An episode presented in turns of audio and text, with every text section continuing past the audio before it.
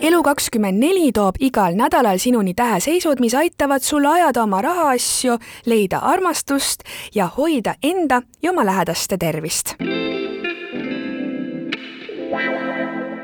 tänases podcastis kuulete, mida tähed sul uueks nädalaks ennustavad. kaksikud peavad vältima probleemseid inimesi, kuid vähitrumbid on partneri käes, aga nüüd kõigest lähemalt. head kuulamist jääraelus võib anda märku üks traumeeriv olukord seoses kodu ja töö vahelise suhtega. kui nii, siis peaksid leidma võimaluse, kuidas oma jõudu tagasi haarata. võib juhtuda, et sa tahad sel nädalal rohkem aega unistada ja puhata ega tunne suurt motivatsiooni tööga tegeleda ega liiga tõhus ja asjalik olla sõnn võib sattuda nädala algul pingelisse suhtlussituatsiooni, mis teeb sind jõuetuks või hoopis vihaseks tegelikult tuleks siin oma tõde kehtestada ja endale kindlaks jääda.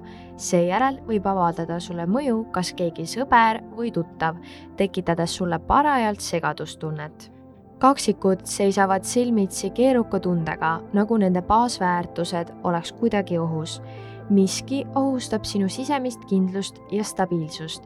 sellega koos võib ärgata sinus vana trauma, mis nõuab, et sa võtaksid oma väe tagasi.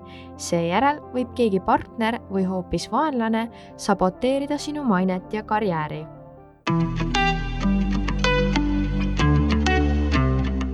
vähi üks tume ja tõrjutud pool võib nüüd nõuda tähelepanu ning olukorra võib käivitada partner, kelle käes oleks justkui kõik trumbid sa nagu elaks üht oma vana hingetraumat taas üle. selle tulemusel võib sinu tervis nõrgeneda ja sa võid isegi haigestuda. igal juhul tunned sa vähe jõudu ja motivatsiooni igapäevase töö ja nõudmistega tegeleda lõvile võib märku anda taas üks alateadlik mõte või käitumismuster, mis saboteerib sinu parimaid kavatsusi ja kahjustab tervist see võib olla seotud ületöötamisega või mingisuguse harjumusega, mida sa kaasas endaga kannad. mõned neitsid seisavad silmitsi hirmudega, mis neil on seoses lapse saamisega, oma tõelise loovuse väljendamisega ja ka elu nautimisega.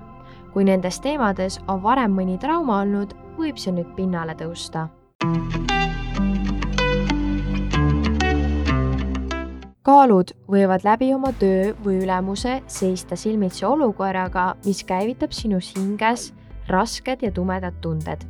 emotsionaalne vundament võib lüüa kõikuma ja võid kogeda, nagu sa kaotaks oma jalgealuse.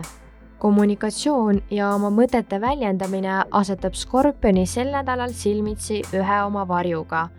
Keegi justkui üritab tõega manipuleerida ja mingeid vaatekohti sulle peale suruda sulle võib tunduda, et oled oma veendumuste pärast kuidagi tõrjutud või isegi nõrgestatud. hamburi elus võib tekkida olukord, mis äratab temas enda väärtuste jagamisega seotud trauma. sa võid kogeda neid hirme, mis kaasnevad sellega, kui keegi on võtnud sinust rohkem, kui oli lubanud. kui nii, siis tegelikult on paras aeg, et see olukord ümber pöörata ja seekord võitjana väljuda